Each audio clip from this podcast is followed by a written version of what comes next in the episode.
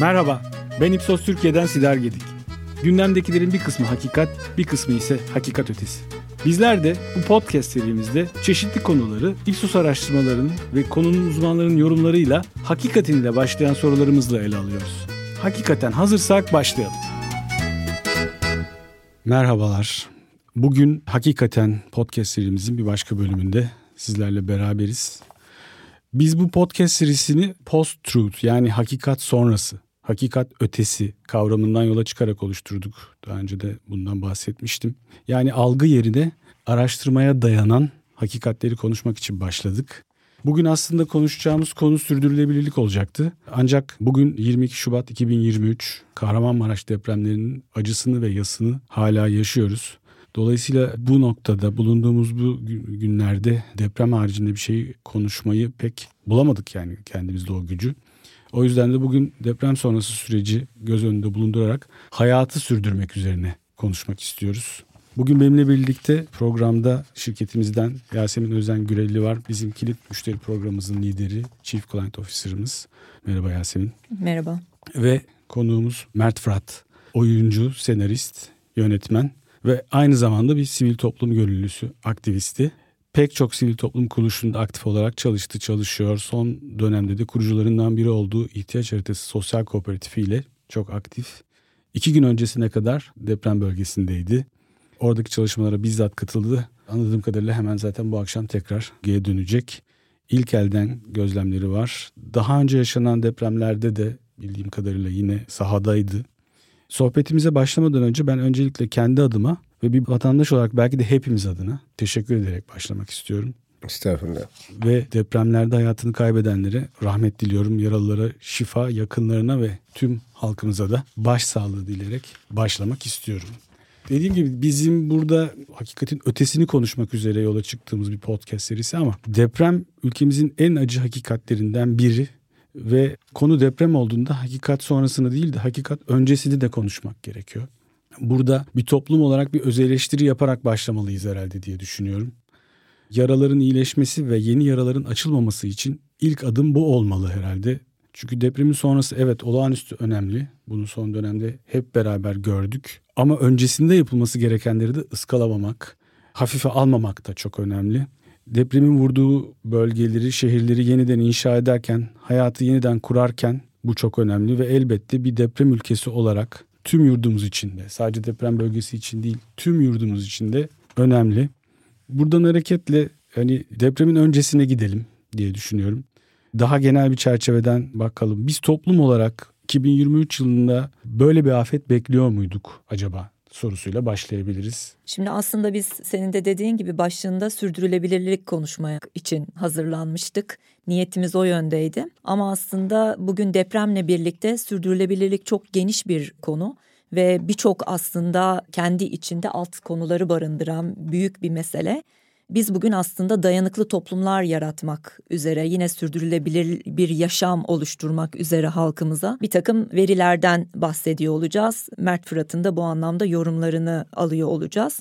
Şimdi dediğin gibi aslında biz hazır mıydık? Zaten durum ortada çok hazır değilmişiz. Bununla ilgili yaptığımız bir takım araştırmalar da var.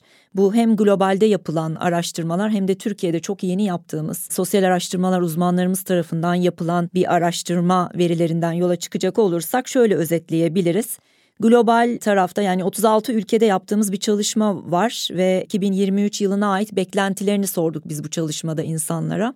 2022 yılında yaptığımız çalışmada ve burada bir sorumuz var. Aslında hani ülkenizde yakın zamanda bir afet bekliyor musunuzla yönelik bir soru var ve burada baktığınız zaman Türkiye'de büyük bir afet bekleyenlerin oranı yüzde 66 ve bu dünyada bu 36 ülke içerisinde ikinci sırada yer aldığımızı görüyoruz.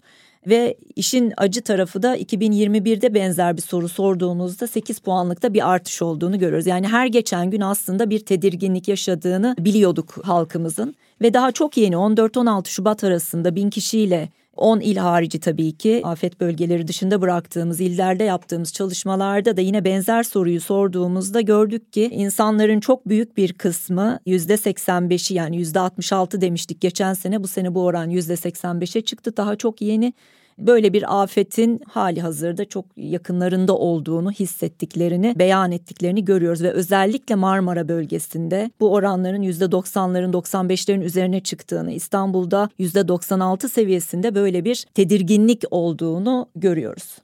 Dolayısıyla aslında biz deprem gerçeğinin farkındayız ama bununla ilgili neler yapıyoruz, ne, ne yapmıyoruz? Yani bununla ilgili sahada olan biri olarak neler paylaşabilirsiniz? Ya şimdi öncelikle şöyle hani biz zaten bir deprem ülkesiyiz. Yani bu içinde bulunduğumuz fay hatları bilimsel olarak neredeyse her sene güncelleniyor. Onların hareketleri tespit ediliyor. Bununla ilgili oturmuş kurumsal çalışmalarımız var aslında. Hem globalde hem Türkiye'de.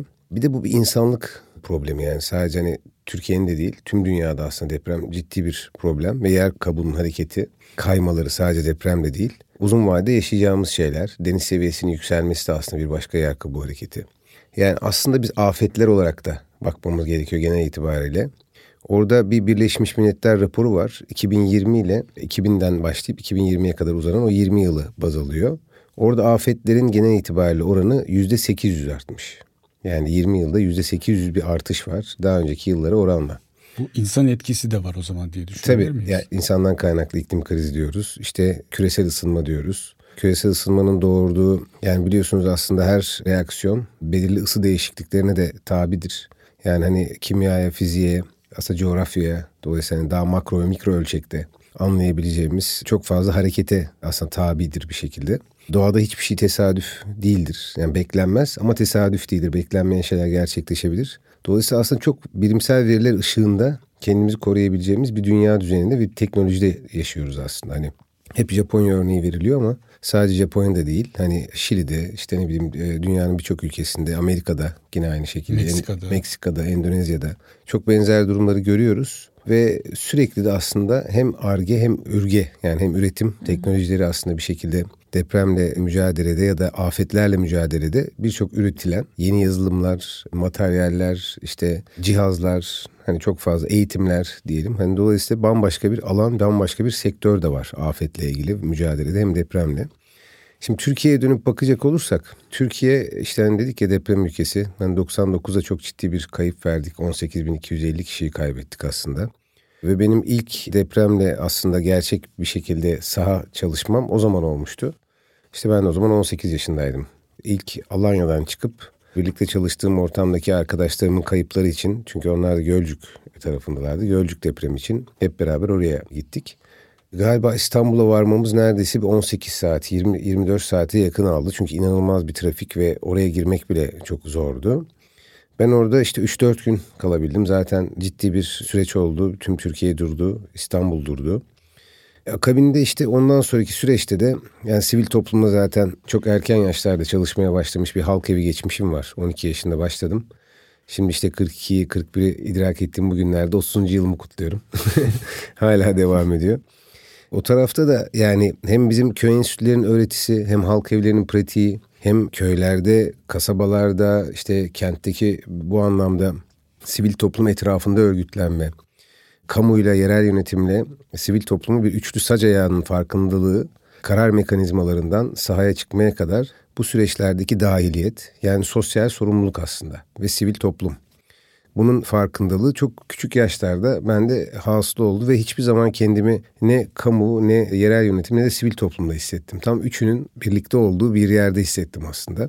Çünkü üçünün bir uyum içinde çalıştığı şeye zaten aslında toplum diyoruz. Yani ona işte devlet diyoruz aslında. Ona vatan diyoruz falan aslında. Onların hepsinin çok çeşitli isimleri var. İşte aslında hepsi bu üçlüye tabi. Şimdi Türkiye işte bu tarafta çok çeşitli hazırlıklar yaptı, yapıyor. İnanılmaz bir tecrübesi, saha tecrübesi var.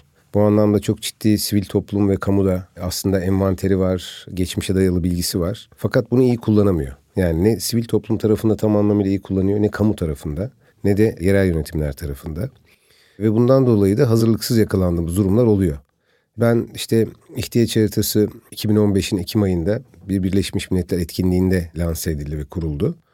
Ve kooperatif olarak kurmamızın derdi de aslında bizim için şeydi bir buluşma noktası olmak. Bir çatı örgüt olmak değil tam tersine yatay bir hiyerarşiyle yani olmayan bir hiyerarşiyle aslında.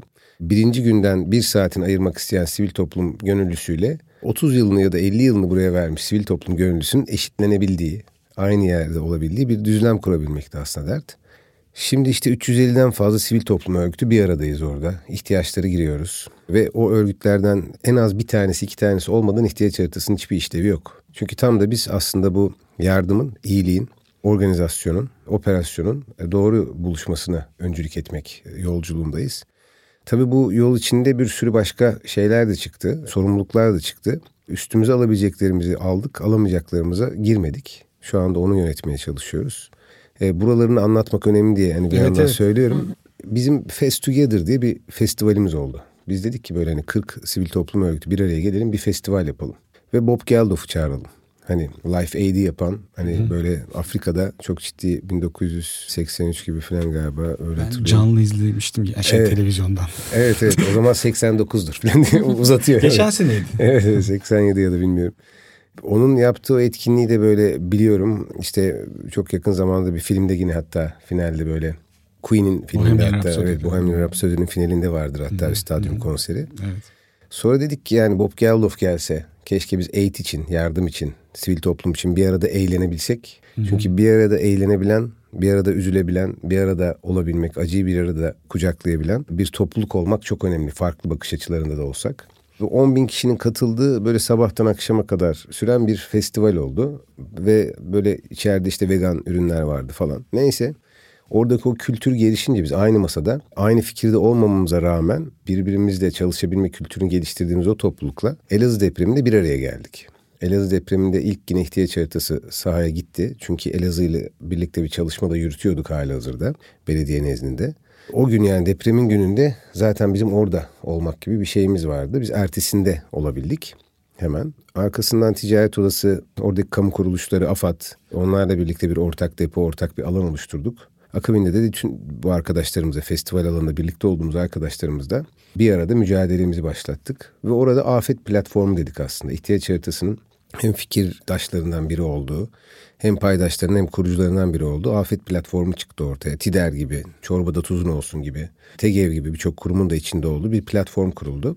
Sonra arkasına Elazığ depremi, sonra İzmir depremi, İzmir depreminde bir kira bir yuva diye bir uygulama yaptık. 200 milyon liradan fazla bir meblağ toplandı ve binlerce insan evlere yerleşti. Orada böyle herkes birbirine evlerini açtı. İzmir o anlamda hani çok komşu ilçeleri olan ve komşu ilçelerde de çok fazla ev stoğu olan bir şehirde böyle bir avantaj vardı. Sonra Van, Düzce, arkasından yangın ve hani bütün Antalya biliyorsunuz orman Manavgat, yangını. Marmaris orman yangınları. Orada da 400'den fazla evin onarılmasına NEF'le birlikte çalıştık. Orada bir kırsal kalkınma projesi yürüttük hala devam ediyor.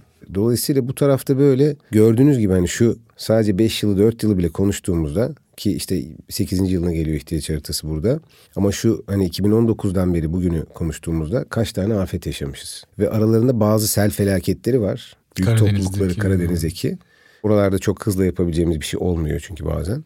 Bunları arka arkaya saydığımızda çok ciddi bir afet aslında potansiyeli söz konusu özellikle bizim topraklarımızda. Son bir şey söyleyeceğim bu afetlerle ilgili. Birleşmiş Milletler diyordu ki 2020 yılından 2030'a kadar 200 milyon insanın yer değiştirmesini bekliyoruz diyordu. Biz 2023'teyiz 200 milyon insan yer değiştirdi. Yani beklenti yarı 4, yılda, 4 yılda, yarı hedefte neredeyse 5 yılda 4 yılda gerçekleşti.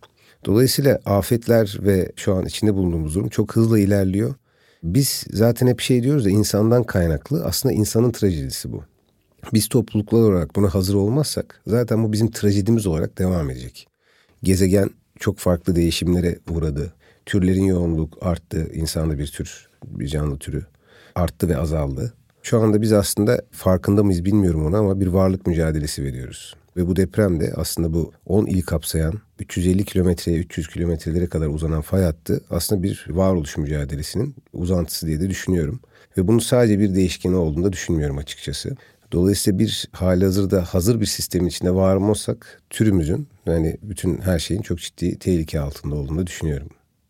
Burada tabii hani girişte paylaştığımız üzere hani aslında toplum böyle bir depremle hani şu an yaşadığımız bir deprem tabii çok büyük bir boyutta. Hı hı. Ama ondan önce de zaten çeşitli depremler yaşamış. Hem biraz orta vadede biraz daha yakın vadede çeşitli depremleri yaşamış bir toplum olarak İşte geçen sene daha senenin sonuna doğru yapılan araştırmada zaten her üç kişiden ikisi bu yıl için kendi bulunduğu şehri bir afetin vuracağı ile ilgili beklentisi var. Türkiye için konuşuyoruz. Hı hı.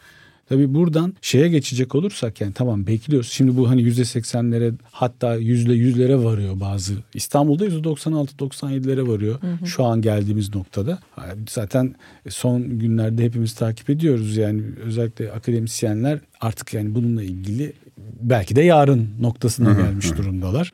Peki biz ne kadar bilgiliyiz? Yani toplumda insanlar ne kadar bilgili bu konuda? Bekliyoruz ama ne biliyoruz, neyi biliyoruz, nasıl hazırlıklarımız var veya var mı?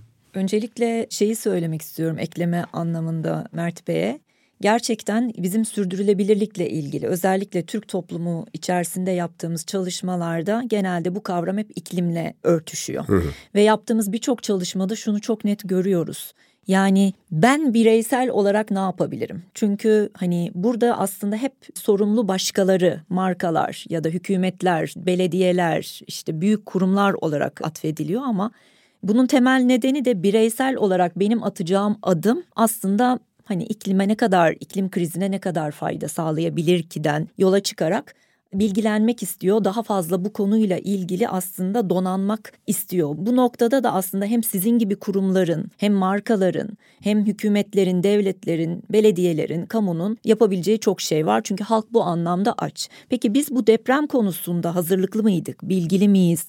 diye baktığımız zaman yine son yaptığımız araştırmada daha çok yeni yaptığımız araştırmada maalesef hani deprem anında nasıl davranacağımız konusunda çok bilgi sahibi olmadığımızı görüyoruz. Bu noktada gerçekten bilgi sahibiyim diyenler ya da bilgi sahibiyim diyenlerin yüzde 38 civarında olduğunu söyleyebiliriz. Bu noktada bir parça daha gençler ön plana çıkıyor ama halk olarak genel anlamda bilgi seviyemiz yani ne yapacağımız noktasında bilgiliyiz. Bu aynı hani sürdürülebilirliğin iklim, kaynak kullanımı ya da toplumsal dayanıklı toplumlar geliştirme anlamındaki konularda da olduğumuz gibi bizim birazcık daha toplum olarak bilgilenmeye ihtiyacımız var. Bu deprem konusunda da aynen geçerli. Yine binaların yıkılmasının nedenleriyle ilgili birkaç tane soru sorduğumuzda orada da hani ön plana çıkan yönetmelikler konusunun ön plana çıktığını görüyoruz. Yönetmeliklere uygun olmayan kaçak yapılaşmanın çok ciddi anlamda %75 oranında en çok belirtilen nedenler arasında yer aldığını görüyoruz.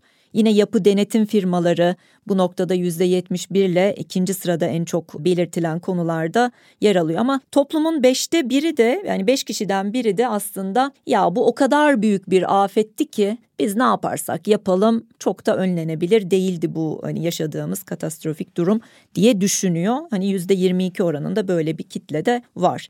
Hazırlıklı mıydık? Bir kere yani hala hazır mıyız diye baktığımız zaman şu an hani yaşanılan semtteki deprem hani toplanma alanları var. Bunların bilenlerin oranı yüzde 53 yani sadece toplumun yarısı bunun farkında. Deprem anında ne yapacaksın planın var mı dediğimiz zaman yine aynı kitle gibi düşünüyorum yüzde 54 yine yarısı. Bu arada şeyi bence hani bir kez daha altını çizmek lazım. Bu araştırmayı yaşadığımız son Kahramanmaraş son. depremlerinden bir hafta sonra yaptık. Yani evet, o evet. kadar sıcak bir gündemde dahi hala iki kişiden biri yaşadığı semtteki toplanma alanını öğrenmemiş durumda Türkiye'de. Yani bu kadar büyük bir uyandırma çağrısına rağmen Türkiye tarihinin gelmiş evet, geçmiş en büyük, büyük afetine. afetine rağmen bir hafta sonra yaptığımız hani çok taze bir bilgiyle aslında insanlar karşımıza çıkabilecekken bir iki kişiden bir tanesi hala kendi bulunduğu semtteki toplanma alanını öğrenmemiş halde. Burada çok incecik küçük bir şey söyleyeceğim. Lütfen unutmayın sözünüzü. Devamını çünkü ben de çok merak ediyorum.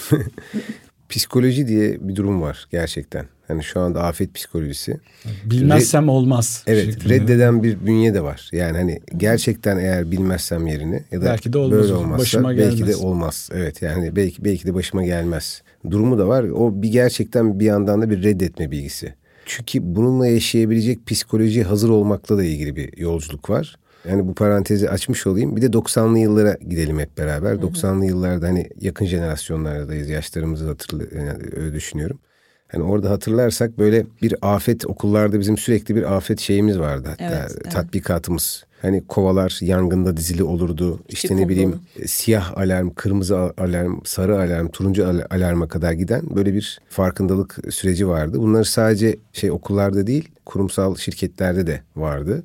Ya bu genel oluşturulan hani 90'lı yıllardaki o çünkü depremde yaşamıştık çok ardı ardına. Dolayısıyla o tarafta böyle bir bilinçlenme ve neredeyse hani belirli günlerde yaptığımız bir uygulama da vardı. Bu tabii bambaşka bir şey yaratıyor. Hani bilinç yaratıyor, bir farkındalık yaratıyor oralara geri dönmek hatta daha da hızlı geri dönmek durumundayız. Yani Japonya'da artık bu neredeyse kurumlar için bir müsabakaya dönüşmüşken hani afet durumunda böyle hani kurtarma ekipleri de çalışmalarında bir rekabete dönüşmüşken ve depremden bu kadar mağdur olmuyorken Japonlar Bizde de o kültürün inşası zorunlu gibi görünüyor. Evet. Ben psikolojiye çok inanıyorum bu anlamda. Kendim de aynı şeyi yaşadığım için deprem çantası hazırlamalısın Yasemin deyip sürekli kapının önüne bir tane bir şey çanta koyup ama içini hani sanki o çanta orada olunca hani bir şey olacakmış hissiyatı var. İnsanlara da sorduğumuzda toplumun yüzde otuz biri bu anlamda deprem çantasına hazırlamış şu an. Hani hali hazırda var ama hala yüzde yetmiş üçü benim gibi niyet içerisinde yani niyet etmiş ama henüz gerçekleşemediğini görebiliyoruz. Bunun dışında belki şeyle ilgili bilgi verebilirim hızlıca. Depreme karşı dayanıklı olduğunu düşünüyor mu konutunun?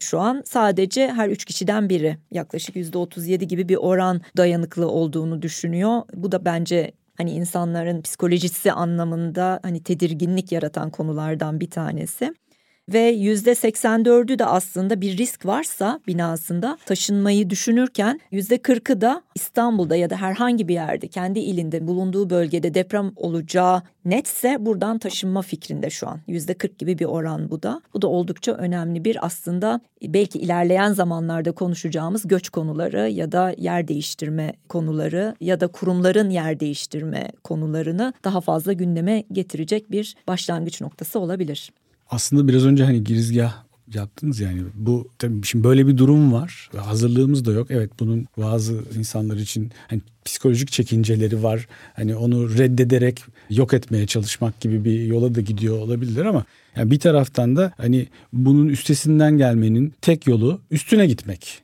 Yani bunu herhalde yok farz ederek hayatımızın dışına çıkartamıyoruz fayları maalesef. Dolayısıyla baktığımızda hani insanların çok büyük bir kısmı yani bizim araştırmada sadece insanların dörtte biri bulunduğu binanın depreme dayanıklı olup olmadığına dair bir test yaptırmış gözüküyor.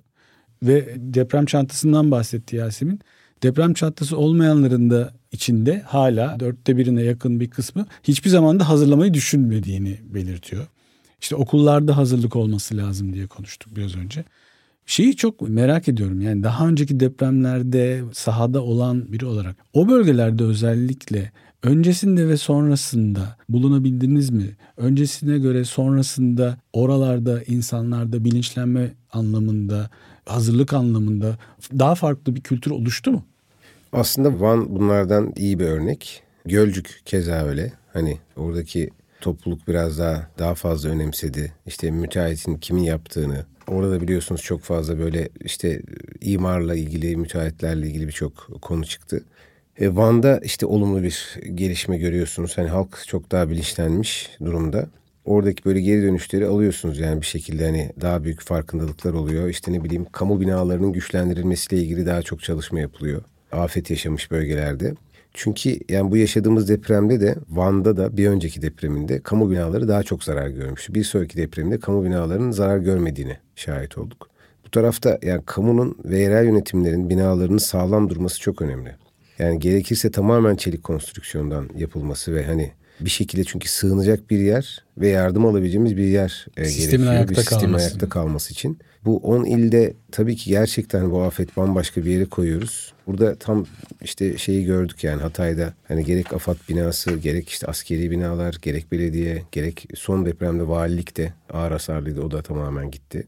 Defne'deki yani son 6.4'ten Hatay depreminden sonra Antakya depremi. Yani burada görüyoruz ki o kamu binaları tamamen çelik olduğunda yani içindeki aslında o personel insanlar aynı zamanda bir de oralılar yani onların da yakınları var. Dolayısıyla hani nöbette olan askerler bile buna maruz kalıyorlar. Yani bir de öyle bir şey var hani saat aralığı. Bu da çok ilginç ama bu diğer hani söylediğimiz o Van depremi ve Gölcük depremi de benim gözlemlediğim kadarıyla bu anlamda geri dönüşleri gördüm ama Elazığ'ı tekrar ziyaret etme fırsatım olmadı. İzmir bu anlamda çok ciddi stratejik hamlelere adım attı. Yani böyle yenilenmesiyle ilgili farklı ilçe belediyelerinin büyükşehir belediyeyle yaptığı çok nitelikli çalışmalar oldu ve olmaya da devam ediyor o anlamda. Değiştirilen, tahliye edilen, onarılan güçlendirilen yapılar söz konusu o tarafta. Maalesef başımıza gelmeden çok adım atmadığımız bir süreç var. Ee, başımıza geldikten sonra da çok derinleştirmediğimiz süreçler var. Velhasılı yani şu burada hazır parantezi açılmışken oraya girmek istiyorum. 10 ilin yaşadığı şey benim gözlemlediğim şu. Ben ilk günü gittim yani hani saat 4'te oldu deprem. 6-6.30 gibi uyandım. Ondan sonra arkasından durumun yani ne kadar vahim olduğunu görünce hemen araca atlayıp yola çıktık ve ancak akşama orada olabildim. Bütün bu yolculuk içinde de hani Antakya'ya direkt gittim. Ama sonra aynı gece Antep'e hiç durmadan neredeyse böyle hani Maraş'a, Adana'da işte yakınlarım vardı birçok yere. Hani Diyarbakır'dan böyle bilgi aldık neler olduğunu. İşte Malatya falan derken e, Maraş, işte Malatya, Adıyaman. Şunu anlamış olduk ki yani aslında o şehirlerdeki herkes o gün mağduru işin. Yani şöyle ki hani ya enkaz altında o insanlar, ekipler normalde şöyle olur. Bir ya da iki ili etkiler bu deprem. Çevre illerden hemen destek yardım gider. Ama şu anda birbirine en yakın ve birbiriyle en ilişkide olan 10 tane ilin yani çok rahatlıkla birbirine giden 10 tane ilin böyle bir afetin içinde bir arada olduğu Yardım, ve kendi o, yardımcı olacaklar da depremzede o haline düştüler. Evet evet yani biz hani Malatya'dan mesela Elazığ'a destek çektik daha önceki depremde. Diyarbakır'dan gönüller çektik Elazığ'daki depremde. Yani hani oralara böyle gönüller çevre illerden bir gönüllü seti oluşturduk. İzmir'de keza öyle oldu. E şimdi Malatya artık hani bir afet bölgesine dönüşünce bu 10 ilin içindeki tüm kamu personelleri, tüm yerel yönetim personelleri ve vatandaşları ya bu dört ilde özellikle çok ciddi bir yoğun yıkım olunca da yani şimdi ortalama 93 bin, 91 bin, 97 bin değişen rakamlar var ama 92 bin diyelim. Binanın aynı anda yıkıldığı bir ortamda kaç tane personeliniz sahada bilinçle ayakta, ayakta kalmasını bırakın. Hani Türkiye'nin dört bir yanında 91 bin tane kurtarıcının olması gerekir. Yani ya da ne bileyim üçte bir kadar. Hatta. Ekibin. Ya 30 bin ekibimizin olması gerekir. Yani dolayısıyla gerçekten hani bir yandan hiç kaderci yaklaşmayacağımız bir konu bu konular. Ama bir yandan da şey imkanlar bazında düşündüğünüzde kimsenin baş edemeyeceği kolaylıkla işte bu üçlü sac ayağının her zaman hazır olması gereken de bir konu. Vatandaşın bu anlamda bilinçli olmasını ben şurada yani depremin olma anında ya da sürecinde içinde bulunduğu evin standartları, kalitesi, yaşam alanlarının standartı, kalitesi ve bununla ilgili bilinçli ve sorumluluk sahibi olmakla ilgili bazı alanları var. Onda da maddi konular devreye giriyor. Yani onda da aslında bir deprem fonunun oluşmasıyla ilgili yani hani DASK deprem sigortası gibi hali hazırda gerek kamu bankalarının gerek özel sektördeki bankaların çok uzun yıllardır konuşulan bir konu bu. E, aslında tamamen binaların iyileştirilmesiyle ilgili bir ciddi deprem fonunun oluşması gerekliliği.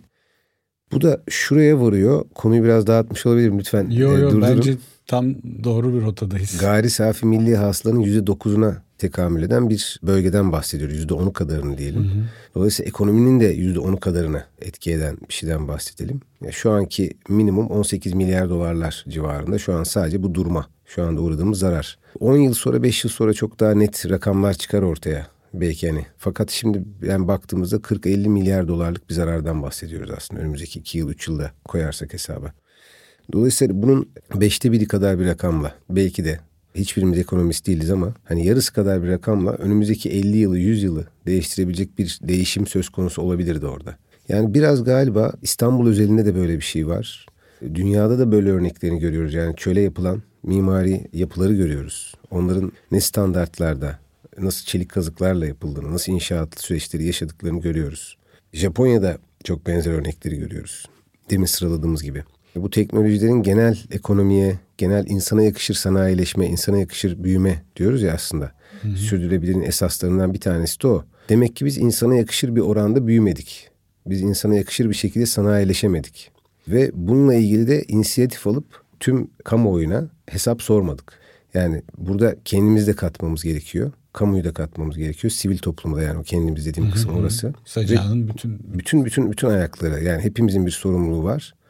Biraz o hani geniş bir anlayış değişikliği ve ben bunun bir umarım yani herkes için bu kadar ciddi kayıpların verildiği gerçekten hepimiz için bir tarihsel de bir afetin içinden en azından Türkiye'nin yeniden inşası noktasında İstanbul'un bölgenin yeniden inşası anlamında çok önemli bir fırsat olduğunu düşünüyorum. Bütün, evet, bir start olması açısından evet. en azından yani. Çok doğru. Burada tabii şeyi hani toplumun verdiği reaksiyonla alakalı biraz da konuşmak istiyorum.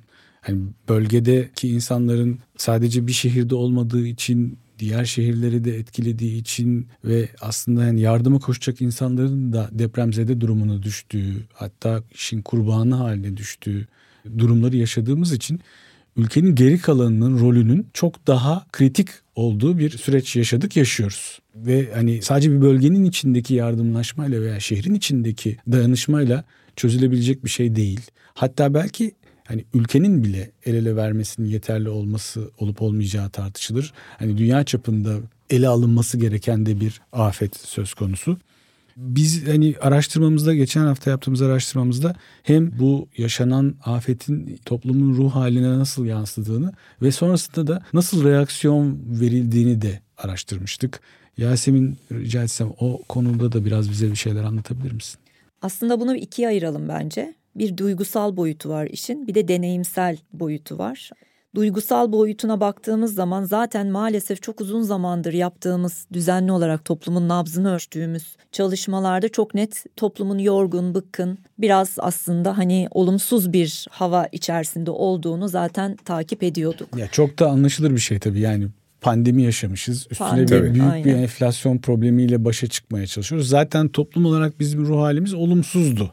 Evet Onu maalesef hani böyle bir şeyin üstüne bir de böyle büyük bir afet eklenince tabii ki şu an içinde bulunduğumuz ruh hali çok olumlu değil hatta çok daha kötüye gitmiş durumda.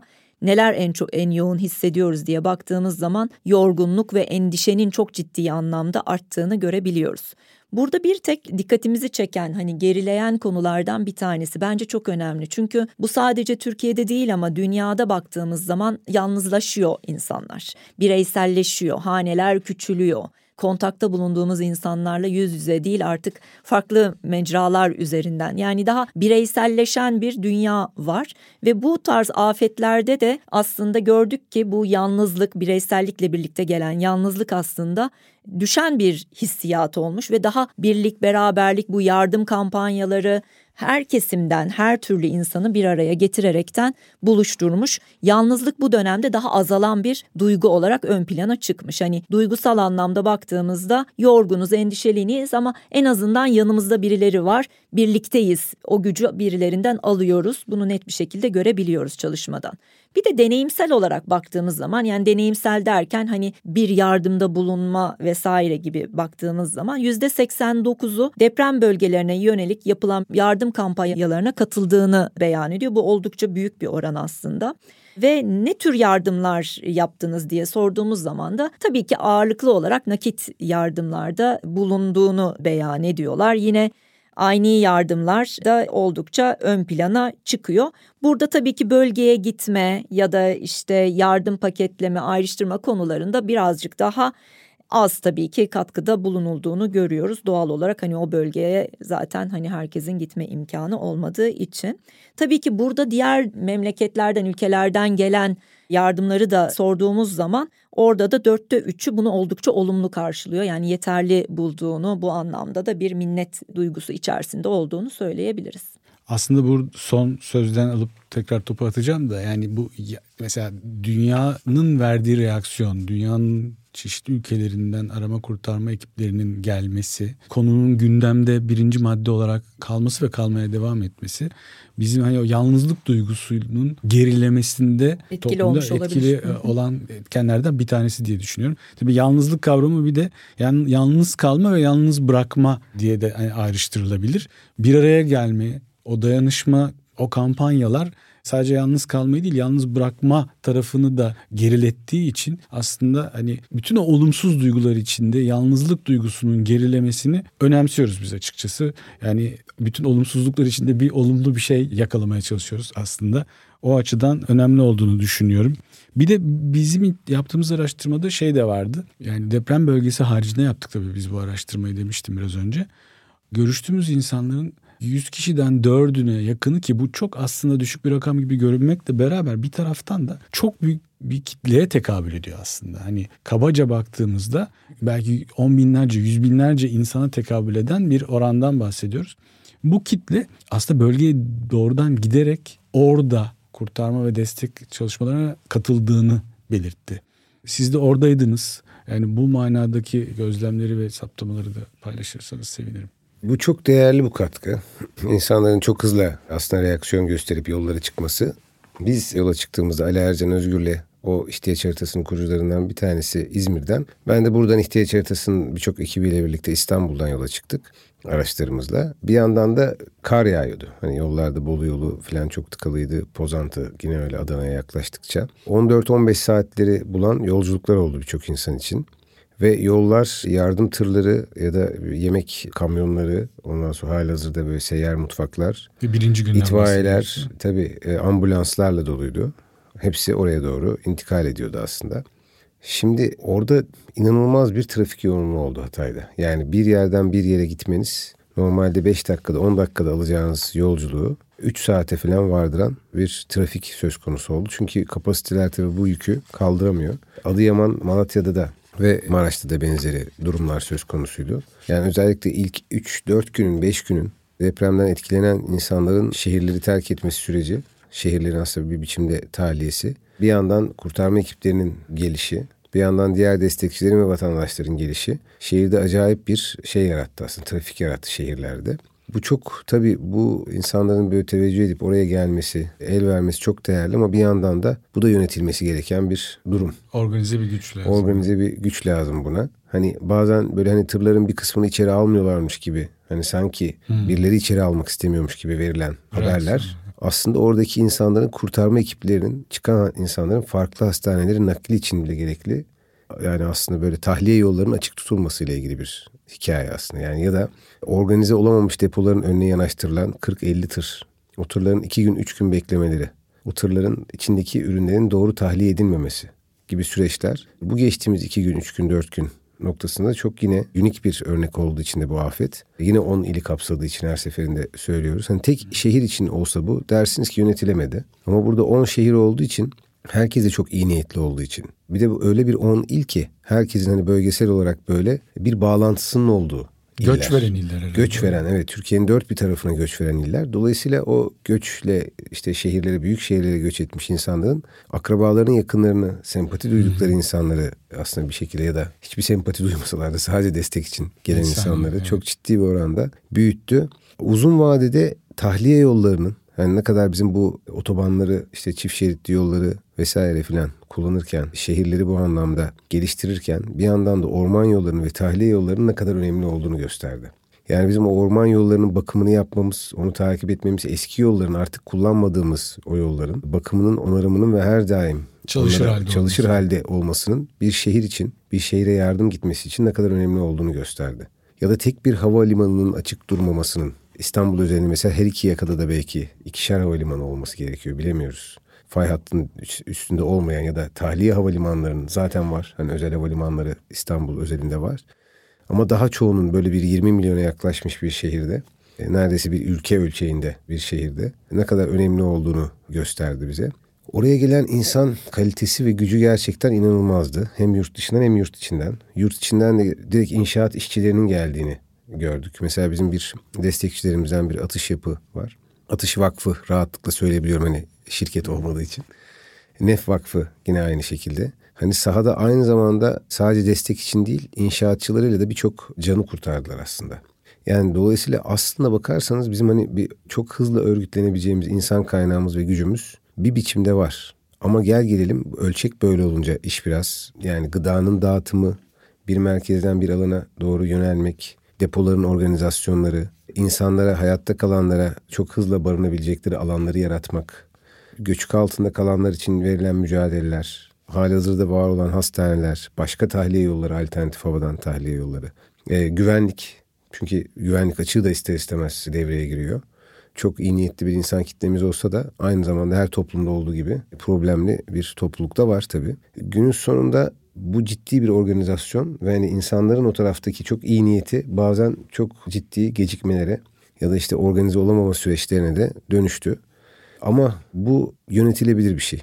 Yani herkesin geldiği ve çok ciddi katkı sunduğu bugün 16. gününe giriyoruz. E, hala insanlar orada oldu. Ve önümüzdeki bir ay iki ay önce e, süresince de orada olacaklarını umduğum, beklediğim aslında hiç şüphemin olmadığı bir süreç söz konusu. Gölcük depreminden sonra benim hatırladığım bölgeye yerleşen insanlar oldu.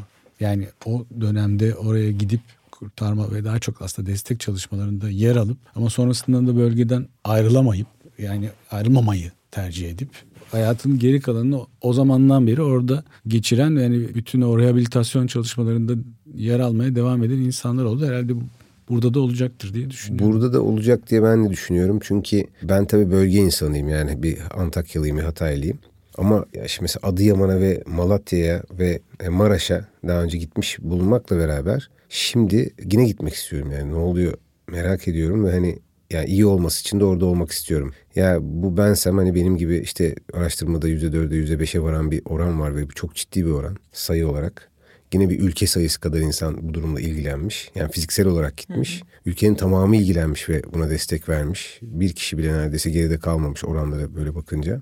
Dolayısıyla bu tarafta bu şehirlerin yeniden yapılanması ve sorumluluğunu almamız noktasında çok değerli, çok umut vaat eden ileri doğru bir aslında bakış açısı. Ben hani o anlamda hükümetin ve aslında e, devletin yerel yönetimlerin de böyle fırsatlar sunacağını düşünüyorum.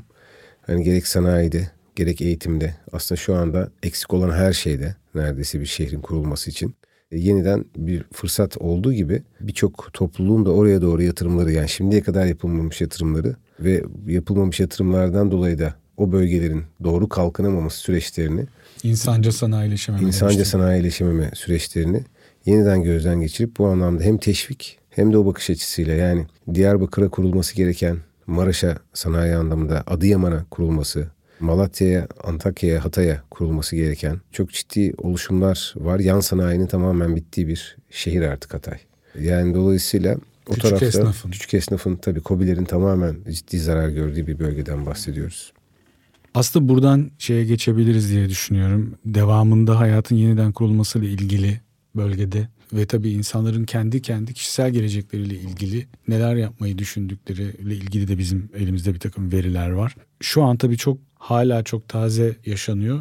Biz bu veriyi daha sonrasında tekrar güncelleyeceğiz, tekrar bakacağız. Şu an oldukça büyük bir reaksiyon var. Büyük bir tepki veriyor toplum yani olumlu manada konuşuyorum. Bunu ileride devam edip etmediğini de ölçmeye devam edeceğiz biz şirket olarak. Ama şu anda gerçekten büyük bir reaksiyon var değil mi Yasemin? Evet aslında hem büyük bir reaksiyon var. Bu aslında güzel bir şey de bir yandan. Yani önümüzdeki döneme ilişkin bize olumlu bir perspektif de veriyor diyelim. Çünkü baktığınız zaman yüzde 64'ü şu an toplumun genel anlamda bir takım şeylere katılmak istiyor. Geleceğe yönelik çalışmalara katılmak istediğini beyan ediyor. Bence bu çok hani pozitif durumlardan bir tanesi. Ve yine yardımda bulunmak isteyenlerin büyük bir çoğunluğu parasal yardımda bulunmak istediği gibi özellikle gençlerin gönüllü olarak fiziksel olarak bu konunun içinde olmak istediğini görüyoruz. Aslında burada demin Mert Bey de bahsetti.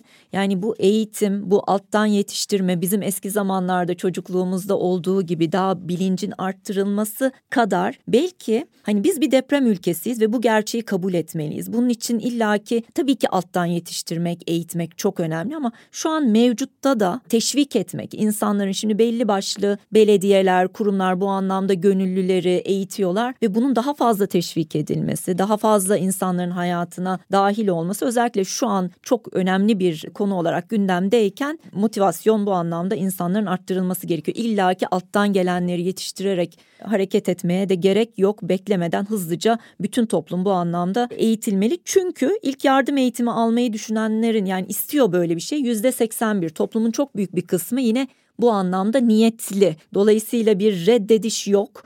Bunu desteklemeliyiz hep birlikte. Aynı zamanda arama kurtarmaya katılmak isteyen çok büyük bir grup var. %77 oranında ama bu insanlara bir yol gösterici. Nereden başlayacağını, nereye gideceğini, nasıl hareket edeceğini göstermesi gereken aslında kurumlar, bizler, sizler gibi yapılar olsa gerek. Burada ben yine şöyle bir pas atmadan önce şeyi söyleyeyim. Yani Yasemin'in söylediğini vurguyla gerçekten hani bir hem bölgeye dair hem de insanların kendi kişisel geleceklerine dair herkes bir şeyler yapmakla ilgili çok istekli. Yani bölgede yapılacaklara maddi destek, işte fiziksel destek ya da düşünce, zihinsel destek hani uzmanlığıyla ilgili. Belki gidip inşaatta çalışamayacak orada ama hani psikolojik destek ke- kendi mesela. uzmanlık alanıyla ilgili hani masa başı destekte dahil olmak üzere bunu vermeye istekli geniş bir kitle var. Kendi kişisel önlemlerini almakla ilgili de hani ilk yardımın da ötesinde arama kurtarma eğitimi çünkü çok detaylı bir eğitimde bir taraftan. Hani buna dahi şu anda olumlu bakan yapmak isteyen geniş bir kitle var. Ama bir yandan da şöyle bir şey de gördük biz. Ee, yani bütün bunların sonunda hatta burada yani ne olursa olsun bu önlemlerin ileride yeterli olmayacağına dair de bir yılgınlık duygusu da var. Yani evet biz bunu yapalım, edelim falan ama hani günün sonunda hani bunların hepsi bizim bu deprem gerçeğiyle, deprem tehlikesiyle ileride tam anlamıyla hazır olduğumuz noktasına bizi getirmeyecek diyen bir kesim de var. Yani neredeyse toplumun yarısı aslında bu düşüncede. Bu, hatta yani alınacak önlemlerin yetersiz olduğunu düşünenler var. Bir de hiç doğru düzgün bir önlem alınmayacağını düşünenler var. Alınsa da bir şey olmayacağını evet, düşünenler. İkisini topladığınızda, Ve gençler arasında bu çok yüksek. İkisini topladığınızda yani %70-80'e varan bir kitle yani ya önlemler yetersiz olacak ya da zaten hiçbir önlem alınmayacak duygusu içinde. Dolayısıyla bir taraftan bu pozitif yaklaşım ama bir taraftan da bu yılgınlığı yönetecek, mobilize edecek işte o üçlü ayağın rolü herhalde önümüzdeki dönemde bu manada çok kritik. Yani bu motivasyonu ayakta tutup işte o yılgınlığa izin vermeden bunu devam ettirmek gerekecek herhalde. Burada da iyi örnekler devreye giriyor. Yani Hatay'ın yıkılmayan bölgeleri var. Yani bölgeleri derken bir tane var. Şimdi başka iyi örnekler de vardı. Daha önce hani Gölcük tarafında. Zaten hep diyorlar yani bina öldürür aslında deprem öldürmez diyorlar tabii ki hani biz içeride programdan önce kendi aramızda konuştuk ya hani 200 metre 300 metre uzunluğunda yarıkların 50 metre derinliğinde işte çöküntülerin olduğunu söyledik. Ama onlar zaten fay hattı üzerindeki çöküntüler. Şimdi 2011'de keşfedilmiş bir fay hattından bahsediyoruz. 2011'den bugüne kadar 12 yıl var. 12 yılda mutlaka iyileştirmeler yapılabilirdi. Ama 12 yıl da az bir süre. Hani 12, 12 Kısa. yıl şu anda dile kolay ama bir yandan bir dönüşüm içinde yine az bir süre. Demek ki bazı yerlerde tahliyeler gerekiyordu. Bu şimdi büyük ölçekli bir karar. Yani bir yerel yönetimin tek başına alabileceği bir karar değil. Kamunun dahi bazen tek başına alabileceği bir karar değil. Çünkü aslında yani topluluğa sormak gerekir belki de. Aynı referandum gibi. Yani bütçe yönetimimiz katılımcı Çünkü bir bütçe. diğer türlü siyasi bedelleri de oluyor. Tabii yani katılımcı bir bütçe yönetimimiz bizim en başından yer yer zaman zaman göründü ama hani daha da katılımcı bir bütçe yönetimimiz olsaydı şu geçtiğimiz 70 yıl 50 yılı da kapsayan bir süreçten baktığımızda bambaşka bir şey de olabilirdi belki. Velhasılı bunların hepsi şöyle olabilirdi böyle olabilirdi. Yani şu anda hani kimseyi bu anlamda hani suçlamanın şu anki güne yapacağı bir şey yok. Çünkü bu bir sistem problemi. Yani vatandaşın topluluğun sistemi olan inancının kaybı demek bu. Ve sistemi de sadece dediğim gibi kamuyu, sivil toplumu, yerel yönetimi dahil edemezsiniz. Her birimizin her birine olan güveni demek aslında o sistem problemi. Ve bu sistemin kurucuları da biziz. Her ne kadar kendimizi dışarı atsak da ya hayır desek de şöyle değil desek de günün sonunda öyle oluyor. Dolayısıyla geleceğimiz için, çocuklarımız için, Türkiye için, aslında tüm coğrafya için. Türkiye çünkü coğrafya için de çok önemli bir figür. Bu tarafta alınacak kararlar, atılacak çok net adımlara ihtiyaç var. Yani bu işin ne umutsuzluğu var, ne şakası var, ne işte küstüm oynamıyorum var. Öyle bir şey yapabileceğimiz bir yerde değiliz. Ciddi bir şehir plancılığı problemi var. Yani biz daha önceki hani süreçlerde şehir bölge planlama ile ilgili Türkiye'nin geliştirdiği adadan tutun hani binlik paftalardan işte 10 binliklere, 100 binliklere en büyük ölçeklerdeki paftalara kadar 500 binlik paftalara kadar aslında iyi bir şehircilik süreci var. E, şehircilik aslında sürekli devam eden bir şey. Bir bilim dalı şehir bölge planlama. Ve bu bilim dalının aslında bir tarafında içinde mimarisi de yatıyor. Aslında şehrin coğrafyası da yatıyor, yaşamı, yönetişimi de yatıyor, tahliyesi de her şey yatıyor, bütün kapsamları. Yani aslında bizim sürdürülebilirlik maddelerinin tamamı o şehirde var. 17 maddenin en çok da 17.sini seviyorum böyle ortak bir problemi çözmekte aynı masa etrafında toplanmak diyor. En önemlisi o çünkü. Eğer o masa etrafında toplanamıyor. Bununla ilgili suç sende, hayır sende, hayır sizde, hayır 1900 bilmem kaçta, hayır 2000 şurada falan gibi bir yerden gidiyorsak bunlar lafı güzaf. Bunlar birbirimizi oyalamak. Bunlar birbirimize yalan söylemek ve tam da ondan dolayı aslında bedelleri üstümüze almak. Çünkü diyoruz yani 2011'de keşfedilmiş bir fay hattı ve bunun süresinin 10 il üzerinde uygulanmasının imkansızlığı ya da belki imkanlıydı ama belki de orada bir seferberlik gerekiyor. Şimdi İstanbul var. Hani 3 yıl diyoruz. E İstanbul yeni yok ki. İstanbul 99'dan beri de yok. İstanbul 1509'dan beri var. Yani daha öncesi de var da. Şimdi küçük kıyamette 1509'da İstanbul Bolu'dan Tekirdağ'a kadar uzanan 13 bin kişinin nüfusun %10'unu kaybettiğimiz bir deprem yaşamış. O küçük kıyamet diyoruz biz ona. Nüfusun %10'u kadar bir kayba uğramış. Yani çok yeniden kurulması yılları almış ve bir söylenci de değil. Tarihsel verilerle şehrin başına, kentin başına neleri geldiğini bildiğimiz bir süreçten bahsediyoruz. Dolayısıyla işte tam da bundan bahsediyorum. Yani bunun bunu ben biraz şeye benzetiyorum. Mesela eğer altyapı çalışması diyorsanız Türkiye'de kimse ona para harcamak istemiyor. E çünkü görünmüyor. Yani diktiğiniz bir bina görünüyor. Diktiğiniz bir kütüphane, o bu şu her şey görünüyor. Park ama park görünüyor. Ama alta koyduğunuz ya da yaptığınız festivaller bilmem neler onlar bunlar o şehri geziyoruz bu şehri geziyoruz. O caddeden bu caddeye falan hepsi görünüyor. Güzel de haber oluyor ama kimse şey demiyor. Ya şu an İstanbul'un ya da işte ne bileyim Hatay'ın ya da ne bileyim Denizli'nin Antep'in altyapı sorunu tamamen çözüldü. Bunun haberini yaptığınızda o kadar talep de görmüyor olabilir. Ya vatandaştan da. Halbuki bizim buna bakıyor olmamız lazım. Yani şu mahalle bazında deprem raporu hazırlandı. Buradaki kritik noktalar yani biraz bu topyekün bir hareket. Topyekün bir bilinçlenme. Yani bununla ilgili bir dergi çıkarsanız Türkiye'ye hiçbir sorun olmaz. Gerçekten hani, ama satması gerekir normalde. ama o zaman zihinsel bir baştan zihinsel dönüşüme, bir dönüşüme ihtiyacımız tabii, zihinsel var. bir dönüşüme ihtiyacımız var. Gördüğümüzden ziyade sağlam. İşte ama biz o biziz. Yani aynaya baktığınızda o Mert onun karşısındaki öbür Mert. Aslında biz o kadar yüzde elli elliyiz. Evet. Yani dolayısıyla bu tarafta biz hani eğer toplumda böyle bir reaksiyon varsa ve böyle bir umutsuzluk varsa yüzde elli dört, yüzde elli kadar. Yüzde elli dört de çok kritik. Demek ki o dörtte yani kendinde de bir pay olduğunu biliyor. Yani sıfır nokta dördü kadarında aslında yine o toplumun yüzde dördü kadarında da yine kendine de pay biçiyor. Tam yüzde ellisi de değil yani. Ya günün sonunda demek istediğim bizim burada bilinçlenmenin ötesinde bu işin lobisini, siyasetini üstümüze alıyor olmamız lazım vatandaş olarak. Yani bir diziyi... Bir, Sorgulayıcı noktada da olmak lazım. Bir maçı evet bir diziyi bir hatırayı bir dedikoduyu birbirimize anlattığımız gibi. Dedikodu kötü değil de edebiyatı geliştirir. Yani ilk öyle başlar zaten aslında söylence dediğimiz şey. Ama biraz konuştuğumuz konuları, hayatımızdaki odakları, kendi yaşamımıza, insan yaşamımıza hani topluluğumuza ve hani çocuklarımıza, gençlerimize gerçekten o tarafa doğru çekmemiz gerekiyor bu konuları. Biraz buradan vakit almamız gerekiyor. Yani vakti ve süreci, zamanı, bütçeyi böyle yönetirsek, neyi popüler yapacağımız biraz daha konuşursak hani o bizi başka bir yere taşıyacak. Dünyada böyle oluyor. Biz iklimi çok konuştuk. Küresel ısınmayı çok konuştuk. Onun getirdiği e, veriler ve yarattığı etkiler üzerine çokça makaleler paylaştık. Bunlar çok döndü. Bir kamuoyu oluştu. 72'lerde başladı süreç. Şimdi bugünlerdeyiz neredeyse hani bir 40 yıl geride bıraktığımız, 30 yıl geride bıraktığımız bir hani böyle yoğun bir şey var aslında süreci var. Hani 50 yılı ama hani böyle bir yoğun çalışma sürecine 30 yıl diyebiliriz. Bunun etkisini şimdilerde topluyoruz. Eskiden 1 milyar 5 milyar dolar olan euro olan kaynak aktarılan kaynak şu an 500 milyar dolarlara geldi.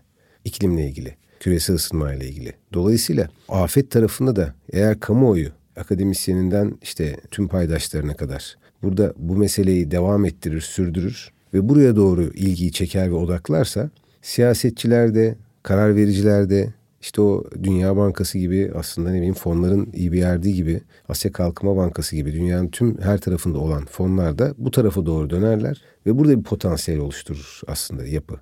Ve burada bir o dönüşüm hareketi başlar. Bunun birçok ayağı var kısacası. E, ve orada da üstümüze düşen birçok sorumluluk var. Evet yani tabii gömleğin ilk düğmesi herhalde bu şekilde bağlanacak. Biz vatandaşlar olarak sorgulayıcı olacağız, talep edeceğiz. Tabii. Sonrasında takip edeceğiz. Bizim de araştırmalarını yapacağız ve bunun hani sık sık bu şekilde gündemde kalması için en azından sosyal olarak bize düşen bir sorumluluk varsa onu yerine getirmeye ya Çok özür dilerim şey ekli eklemek de istiyorum tabii, şurasını. Şey yani e şimdi sadece vatandaş mı diyoruz da yani seçen, yöneten, dahil olan, içinde olan, bir sonraki siyasetçi yetiştiren, yöneticiyi yetiştiren hepsi vatandaş. Yani bugün 25 yaşındaki arkadaş, onun çocukları bir sonraki kuşağı besleyecek ve yönetecek. Bir şekilde birlikte ortak bir paydanın içinde, bir ortak toprağın içinde bir şeyin parçası olarak sorumluluklar alıp yönetecekler. Dolayısıyla evet yani her birimizde yani o ateşten gömleği kimse giymek istemiyor. Ama bir yandan da aslında biz o ateşten gömleği zaten giydik. Yani ekonomik olarak da öyle, sosyal olarak da öyle, psikolojik olarak da öyle. Biz istesek de istemesek de o gömlek zaten hep üstümüzde. Dolayısıyla bunun farkındalığıyla bir şey hareket etmek lazım. Bunun farkındalığıyla bir sözü söylemek, arkasına durmak. Ve yapıcı da olmayı önemsiyorum. Yani burada şeyden bahsetmiyorum, uyumlu olalım. En sevmediğim şey uyumlu olmak zaten normalde. Hani uyumlu olmak, uzlaşmak değil. Yani e, uzlaşmak ama bir şeyin etrafında, bir kararın etrafında, bir hareketin etrafında uzlaşmak ve tamamen toplum yararına. Yani ben sivil toplumun içinde çok farklı seviyelerde oldum ve her zaman siyasetler üstü düşündüm bir tarafıyla. Çünkü gerçekten özellikle insan canının, hayatının, bir neslin devamının söz konusu olduğu bu durumlarda siyaset yapabilecek durumda değiliz. Yani insanların hayatları üzerinden manipülasyon yapamayız. Bu bize yakışmaz. Yani sivil topluma ve bizlere yakışmaz. Yani olmaz. Yani olamaz artık o kadar da değil. Tabii, tabii. Dolayısıyla burada teknolojilerin bu tarafa doğru geliştirilmesi gerekiyor. Hani insanları öldürmek için değil de yaşatmak için nasıl teknolojiler var edeceğiz? Yani dolayısıyla burada parayı biz nereye har? Biz uzaya gitmek için 135 milyar dolar mı harcayacağız? Bütün topluluk olarak, insan topluluğu olarak. Yoksa insanları daha iyi şartlarda yaşatmak için 135 milyar dolar harcayacağız. Yani o paraya yön vermek yine bizlerin uktesinde, bizim gücümüzde, bizim yaratacağımız kamuoyunda saklı. Evet. Çok teşekkür ediyorum. Bence iyi bir noktadayız bırakmak için. Buradan ben hani vatandaş olarak en azından kendi sider olarak vatandaş olarak kendi adıma şunu söyleyebilirim. Yani ülkeye sahip çıkmamız lazım. Hatta dünyaya sahip çıkmamız lazım ama ülkelerin sahipleri devletler değil. Kesin. E, halklar. Dolayısıyla biz öncelikle halklar olarak, insanlar olarak, bireyler olarak yani hangi kimliğimizle olursa olsun tüketici kimliğimizle olabilir, seçmen kimliğimizle olabilir. Her kimliğimizle öncelikle bulunduğumuz ülkeye ve sonrasında dünyaya sahip çıkmamız lazım. İşte o ateşten gömlek dahi olsa o gömleği bile o bilinçle taşımamız lazım. Çünkü bizden başka taşıyacak da kimse yok. Çok teşekkür ediyoruz. Ben teşekkür ediyorum. Teşekkürler.